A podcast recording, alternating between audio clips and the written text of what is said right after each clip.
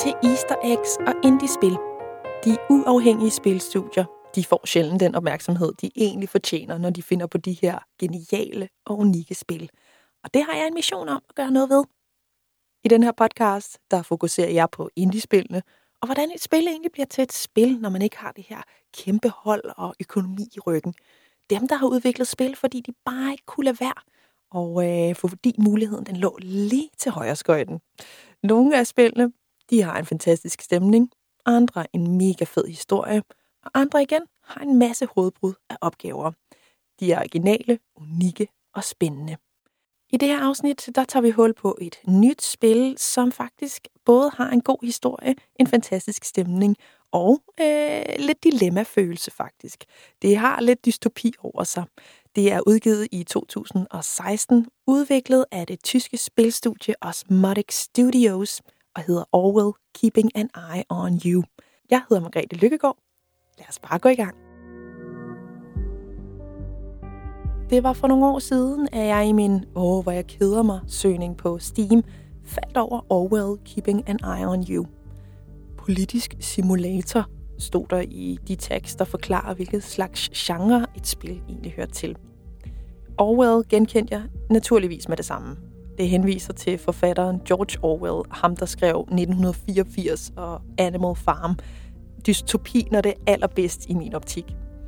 Selvfølgelig så blev min interesse, den blev vagt med det samme. Altså, jeg er helt vild med George Orwell, så jeg tænkte, et spil, der hedder noget med det, det bliver jeg altså bare nødt til at købe. Så øh, jeg smed det direkte i min indkøbskurv. Og nu synes jeg, at vi skal snakke lidt om, hvad det egentlig handler om, så du kan få en fornemmelse af, hvorfor at øh, det her er et spil, jeg vælger at zoome ind på i Easter Eggs og indie-spil.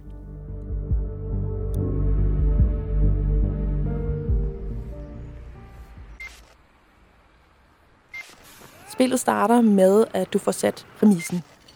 Du har valgt en avatar, og øh, præmissen bliver sat ved, at du ser nogle klip fra et overvågningskamera. Det kigger ud over et tog i en by. Alt ser umiddelbart godt ud. Folk hygger sig, øh, render rundt på det her tog og har en fest. Øh, der er nogen, der griner lidt i det fjerne og sådan noget, som du måske kan høre her på, på lydbiden, der kører bag. Et enkelt sted zoomer kameraet sig ind og undersøger databasen efter informationer på en person, der sidder på en bænk med en bog i hånden. Men den finder ikke umiddelbart noget. I det kommer der så en kvinde gående forbi den her person på bænken, og kameraet finder en datafil på hende, der indikerer, at hun har en politijournal på sig. Damen følger man ind i en bus med det her kamera, og bussen kører væk fra torvet, og kameraet zoomer ud igen. Alt virker til at være godt. Et par griner i det fjerne, og folk hygger sig. Men en bombe går af, og scenen ændrer sig markant.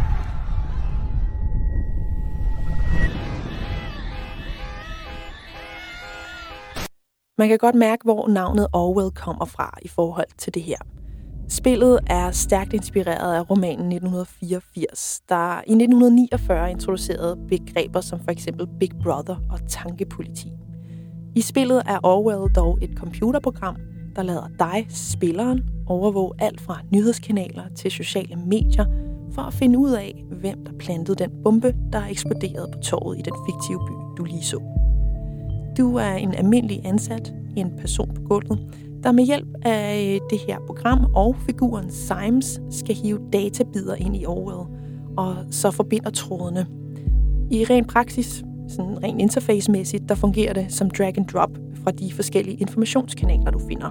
Så programmet siger ligesom, her er en databid, som kunne være interessant, og så hiver du den simpelthen ind i selve Orwell for at finde ud af noget om den person, som øh, du altså har fået op til opgave at øh, udforske, hvorvidt han eller hun er den skyldige. Men tag dig jagt. Nogle gange så er der nemlig konfliktende databider. Altså to bidder, der konflikter med hinanden, hvor at øh, du som spiller skal vælge, om du tror det bedste eller det værste om øh, den eller de mistænkte personer, øh, som du altså skal undersøge. Er du for regimet, der overvåger sine borgere, eller vil du lige lade tvivlen komme den mistænkte til gode? Symes hjælper dig undervejs med at tolke de databider, du altså hiver ind i Orwell. Og man ender ret tit faktisk med at have den her følelse af, om man nu har valgt den rigtige databid om den mistænkte og vedkommendes relationer. Det lyder sådan cirka sådan her.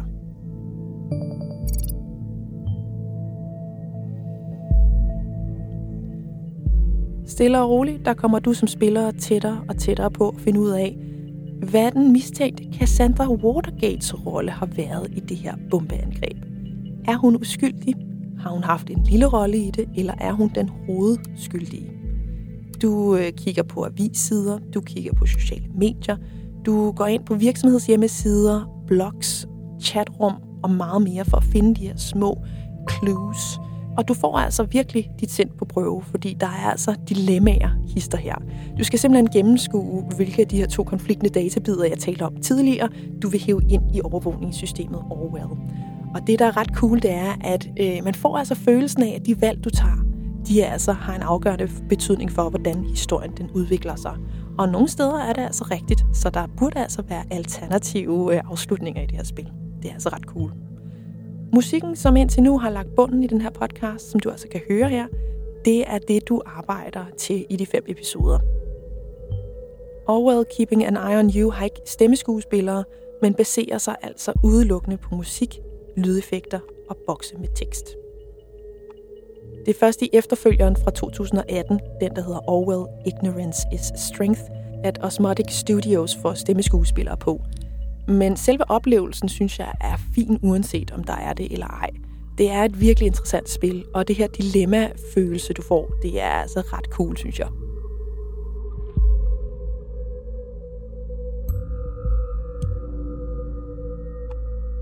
Orwell Keeping an Eye on You og efterfølgeren Orwell Ignorance is Strength er to rigtig unikke og omhyggeligt udviklede spil.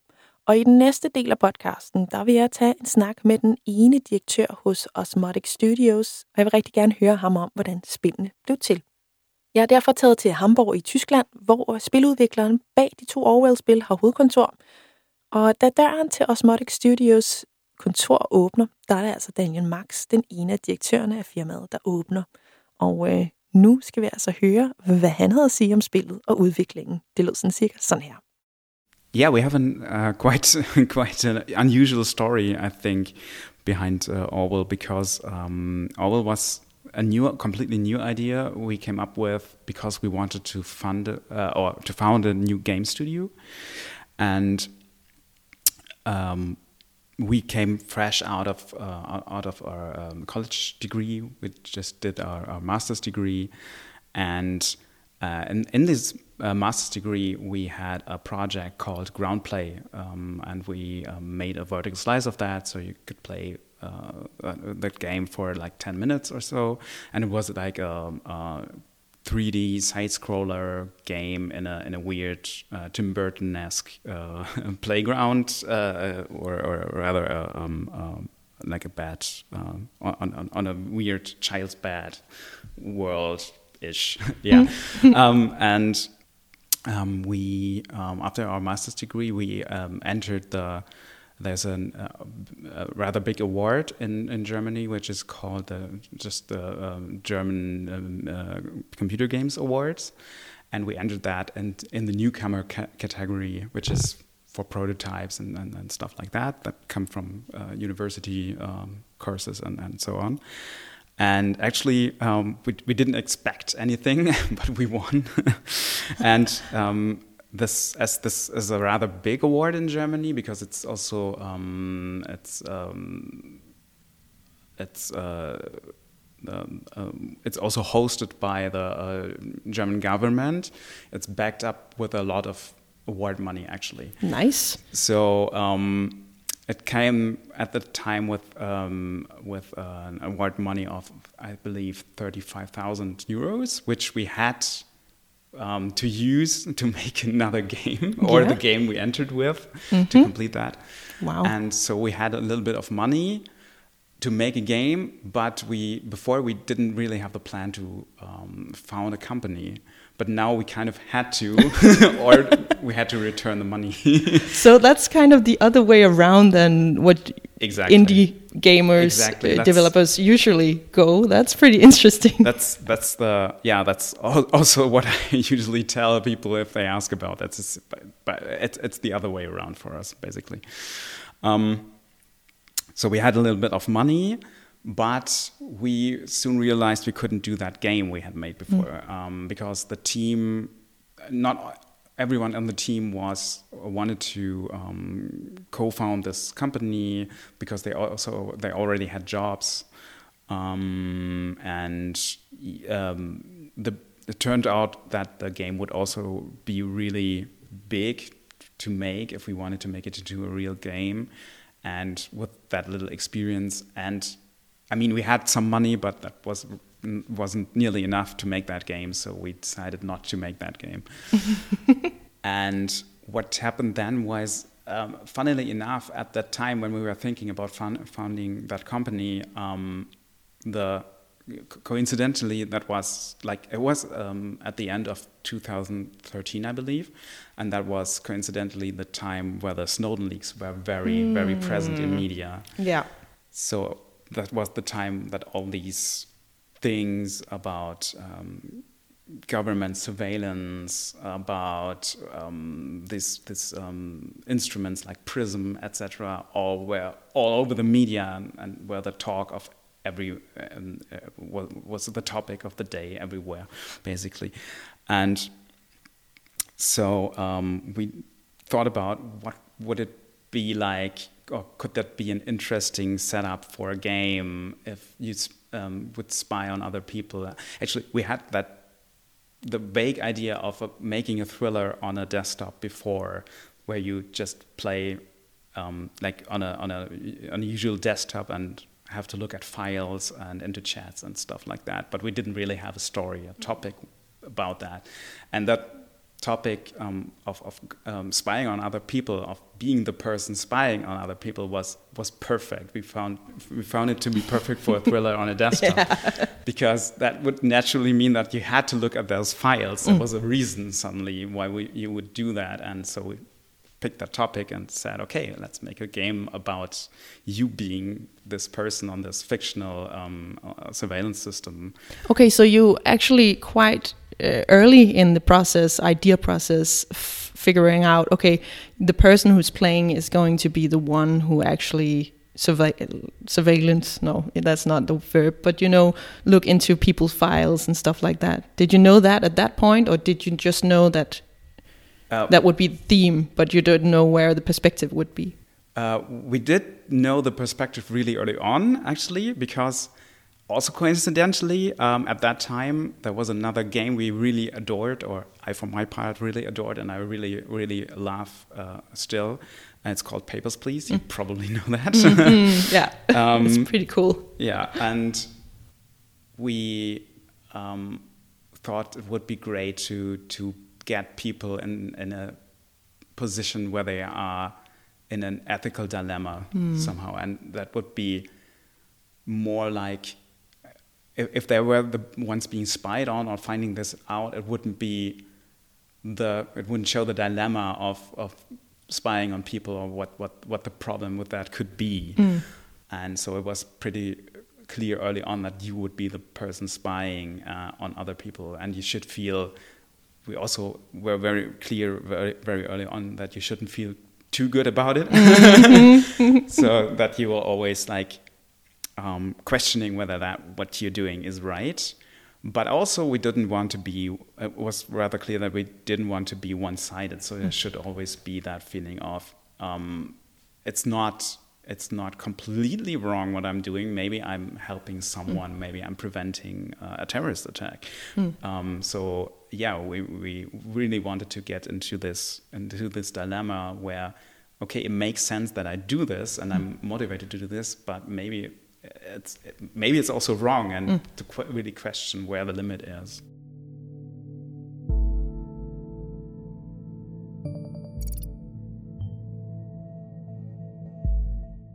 Well, let's uh, move on with the game. So you figure out, okay, this is the main story. How did you proceed in uh, making this game, Orwell? Yeah, so we had this overall setup um, of, okay, we want to raise, raise an ethical dilemma. You shouldn't be too sure um, about what you're doing, uh, whether that is right or wrong. And but at that point, we had very little experience of making a game because um, we only ever did this game we had in the, our master's degree. And yeah, we had worked at companies before, but it wasn't like it's a different thing if you are starting at, at nothing basically and, and have to figure everything out yourself, especially how to run, run a company at the same time, and etc. But also setting up this game from from scratch, and um, so the first idea was to um, basically uh, figure out what the yeah what what the um, main mechanic would be, and our immediate idea was that you would uh, that you had this Orbital um, uh, tool that would be a tool of it in, in itself, um, where you could like spy uh, spy on people or uh, look at their, uh, as you said, their, their, social media accounts and, and etc.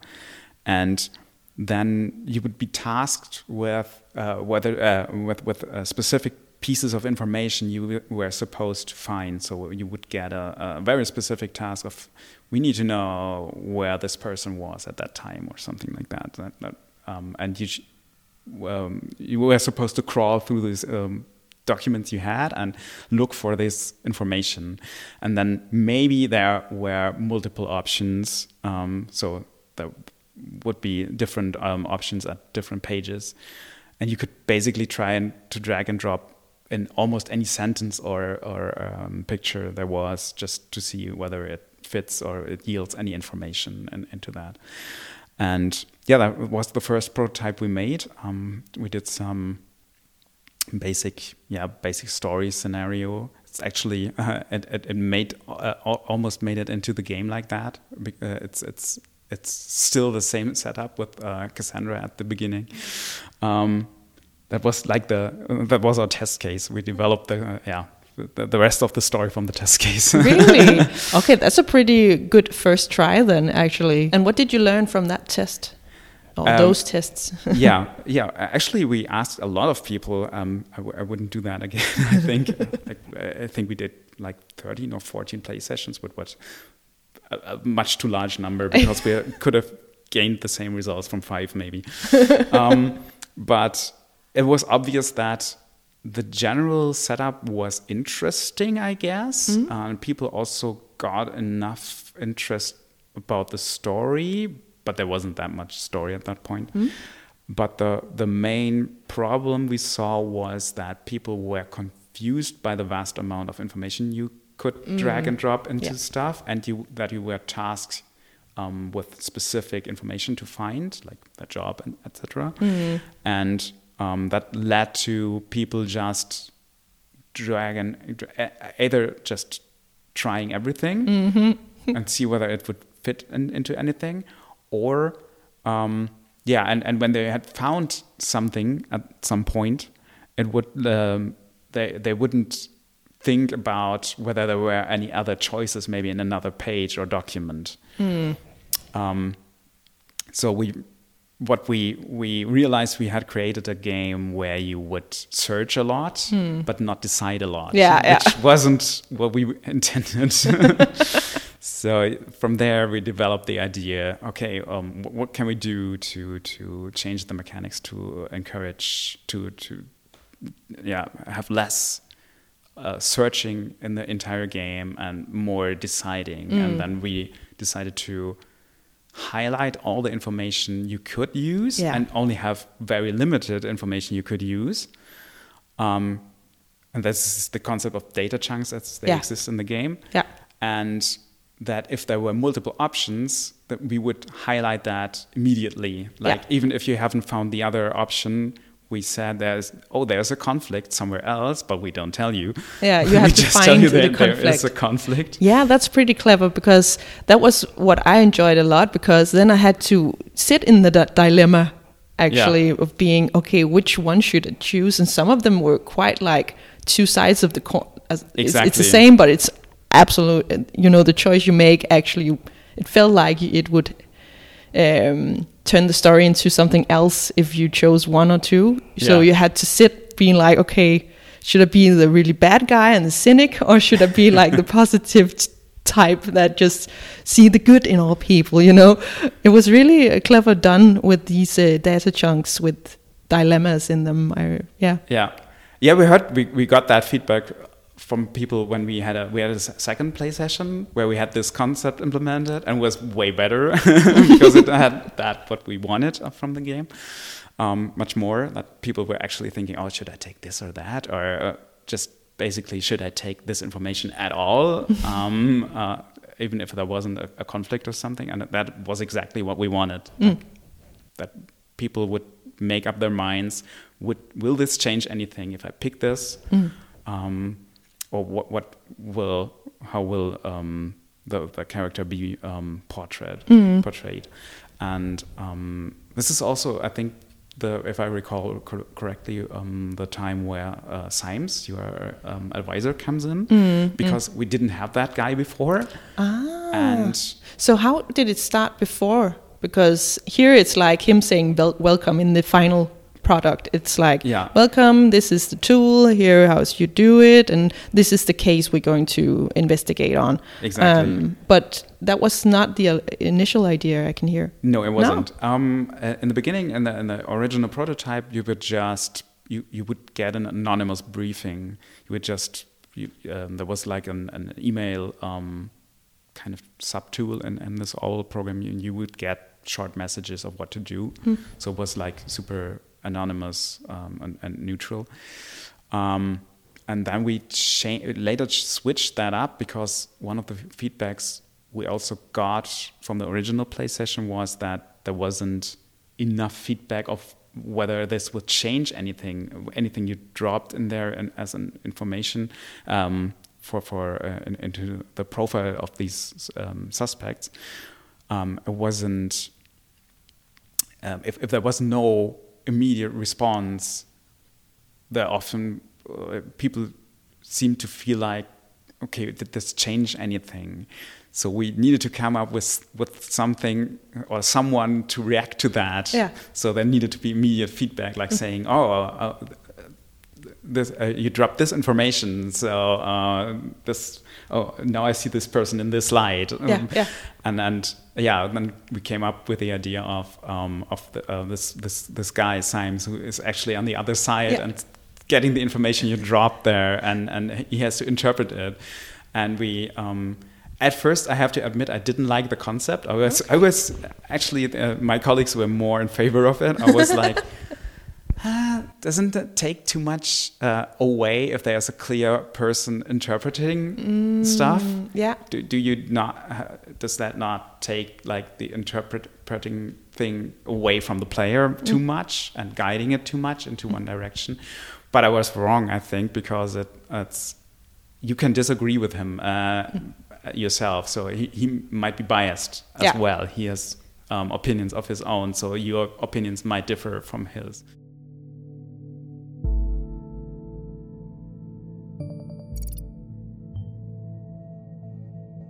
I wanted to just go dive into the choices in the game because there are, mm-hmm. as we talked about earlier, there are data chunks uh, that sometimes conflict with each other.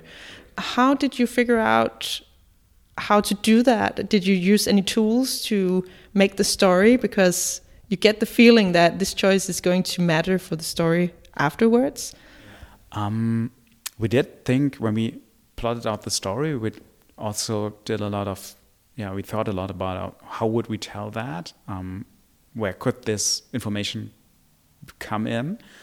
And I think for every for every information or for every bit of information we had, um, at some point we had okay, this uh, uh, we had another uh, bit of information. Okay, this comes in in a discussion between characters. This comes in on a web page um, somehow, and then from there. Um, um, we use a tool um, called Articy Draft. You might not know it um, because it's it's a very game development specific tool for, for narrative design. That tool actually helped a lot organizing the story because um, the process of, of, of, the level design then was okay, we have these plot points, this information that needs to be somehow in this in this episode, and then I would take them and throw it, throw them all into this tool we had, Articy, and um, yeah, put this all on different um, on different nodes basically. Would just fly around in this uh, vast space.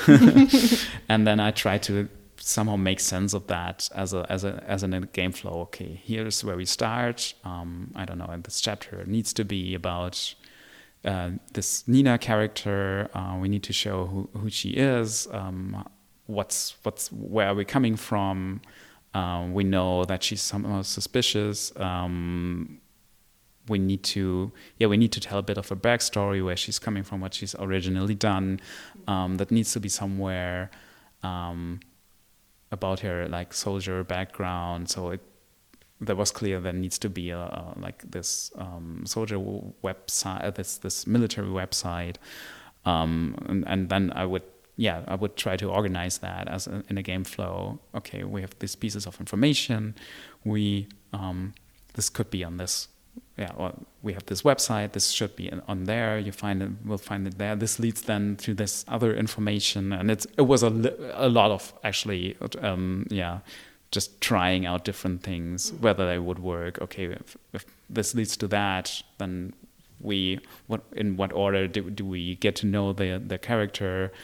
Uh, where could a conflict come in? Where does it make sense for the story? Then it was a lot of iteration because it was a lot of trying and then seeing. Okay, that's not that's that's not great yet. Throw uh, throwing stuff out again and then trying. Okay, uh, we need um, what what's or what's what's the overall um, concept of the of the episode? Mm. Uh, like for this um, as, as, I'm using it for an example anyway right now. That's this third episode mm. uh, where you have to focus on Nina. Um, it was clear we what, what like we wanted to face um, or we wanted um, to to focus on Nina on that uh, that and really show her background, and we wanted to have her look sus very suspicious, but also we wanted to really enfor- that was really for us the turning point in the story where you find out she is involved in this somehow mm. You don't quite know but everything leads in that direction but you have the option with the with since you mentioned the um, the, the dilemma parts or the, the uh, conflicting yeah, information yeah, yeah. the the idea was that there would be different pieces of information that you could use on different points and if you, um, if you if you use specific parts of information, you could make her look more suspicious or even more suspicious or less suspicious. Okay. So I think there are three three conflicts mm.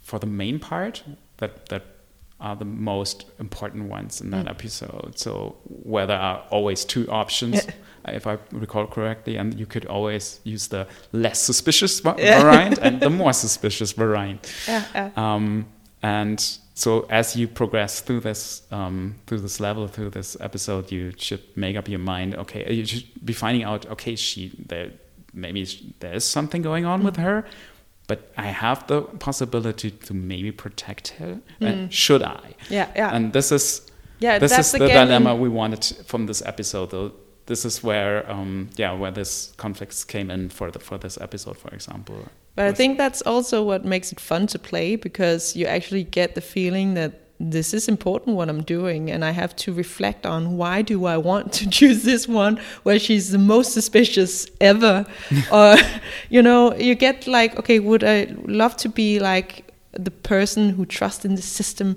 yeah. or do you know that the system is flawed and want to protect her as long as I can before I actually get concrete proof yeah. or whatever? Um, so I found that a really clever way to do it. That there's always these chunks where you just get okay, what path I'm going to choose, um, and that's what makes it really interesting. Uh, there's not many games who actually they say uh, it matters what you do, but it's more about that's the story that is important, and mm-hmm. you would actually yeah. reach the same conclusion yeah. whether you ch- chose that or that. But here it, it feels important. That's great to hear. Um, to be quite honest, I think there is a lot less lasting consequence not to give I, I, shouldn't probably tell that because it's uh, like giving away a magic trick but by having by not exactly knowing what every data chunk does and every conflict does and whether it does have an impact and basically having but having Symes mm. who always says something different and then maybe even later comes back to that it feels important yeah uh, but it to be quite honest, it not always is. No, no. but it gets the feeling also because you chose music and you know all the things that happening. Something happens as soon as you drop the data chunk. It's just like doof, doom, something happens or whatever. so you you really get wild up in this. Whoa. I did something important here. that's that's great. That was exactly the feeling we wanted oh, to, oh, to, to, to get. But a lot of uh, I think the key um, mechanic that makes this work is that there are a lot of data chunks that you could use, and you have to use a lot of them. To mm. be quite honest, you can't. Otherwise, you can't progress. Mm. But you don't have to use all of them, and some of them, but only a handful of them, do actually have consequences. Mm, mm. but we tried our best to make you feel them, especially in the first episode. We tried to get you into that mindset. We, we I, th- I think we redesigned the first episode the most, like five or six times. Wow. um, but not, not totally, but no, no, but, um, but the, how it's how it's supposed to go, and um, because we wanted to really explain the core mechanics, but also get you into this mindset, like what you do is important and it changes things. Yeah, and yeah. it, at the the first episode is there to get you into that mindset. So it, it, the the consequences get bigger over the episode. Like it starts with mi very minor things, and then, um, but then suddenly when you give away one piece of information, uh, like a credit card gets blocked or something, and yeah. it's just it's just Symes saying so, and it doesn't change anything at all. But it, the consequences start ramping up, and they um, they start talking about that. Mm. Also, again, no no consequences, but no. different dialogue. Yeah, yeah. But it, it starts. um, you, you, start to get the feeling you've changed something, yeah, yeah. and that's why it's there. It's just to get you into the feeling. Okay, I did this piece of information changed something in the story, and to get you riled up about every other data chunk there is in the game. Mm. Also, a lot, oh, even if a lot of them don't actually change a lot. Yeah, yeah, yeah. But but the but there are some that does, and that's exactly yeah. some some do, and yeah, some yeah. do actually change things a lot, mm. but or at least make characters more suspicious in the way that it really does change the flow of the mm. game. Mm. But yeah, only only a handful do, I think. So, but you don't know, and that's that's uh, that's the magic trick about it. I really love it. Thank you so much for joining my podcast. Um, yeah, uh, thanks for for for having me.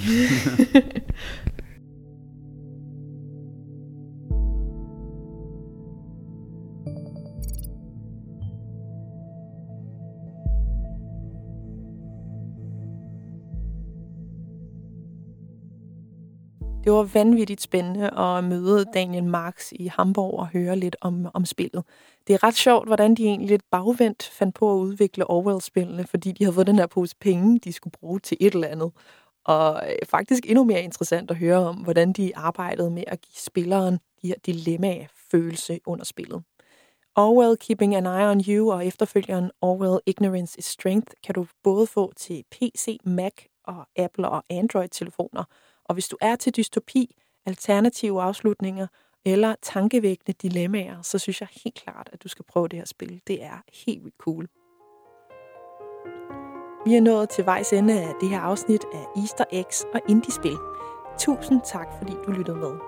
Du kan finde flere afsnit på Spotify, App Podcast eller hvad end der er din favorit podcast tjeneste. Og vi to, vi lyttes ved.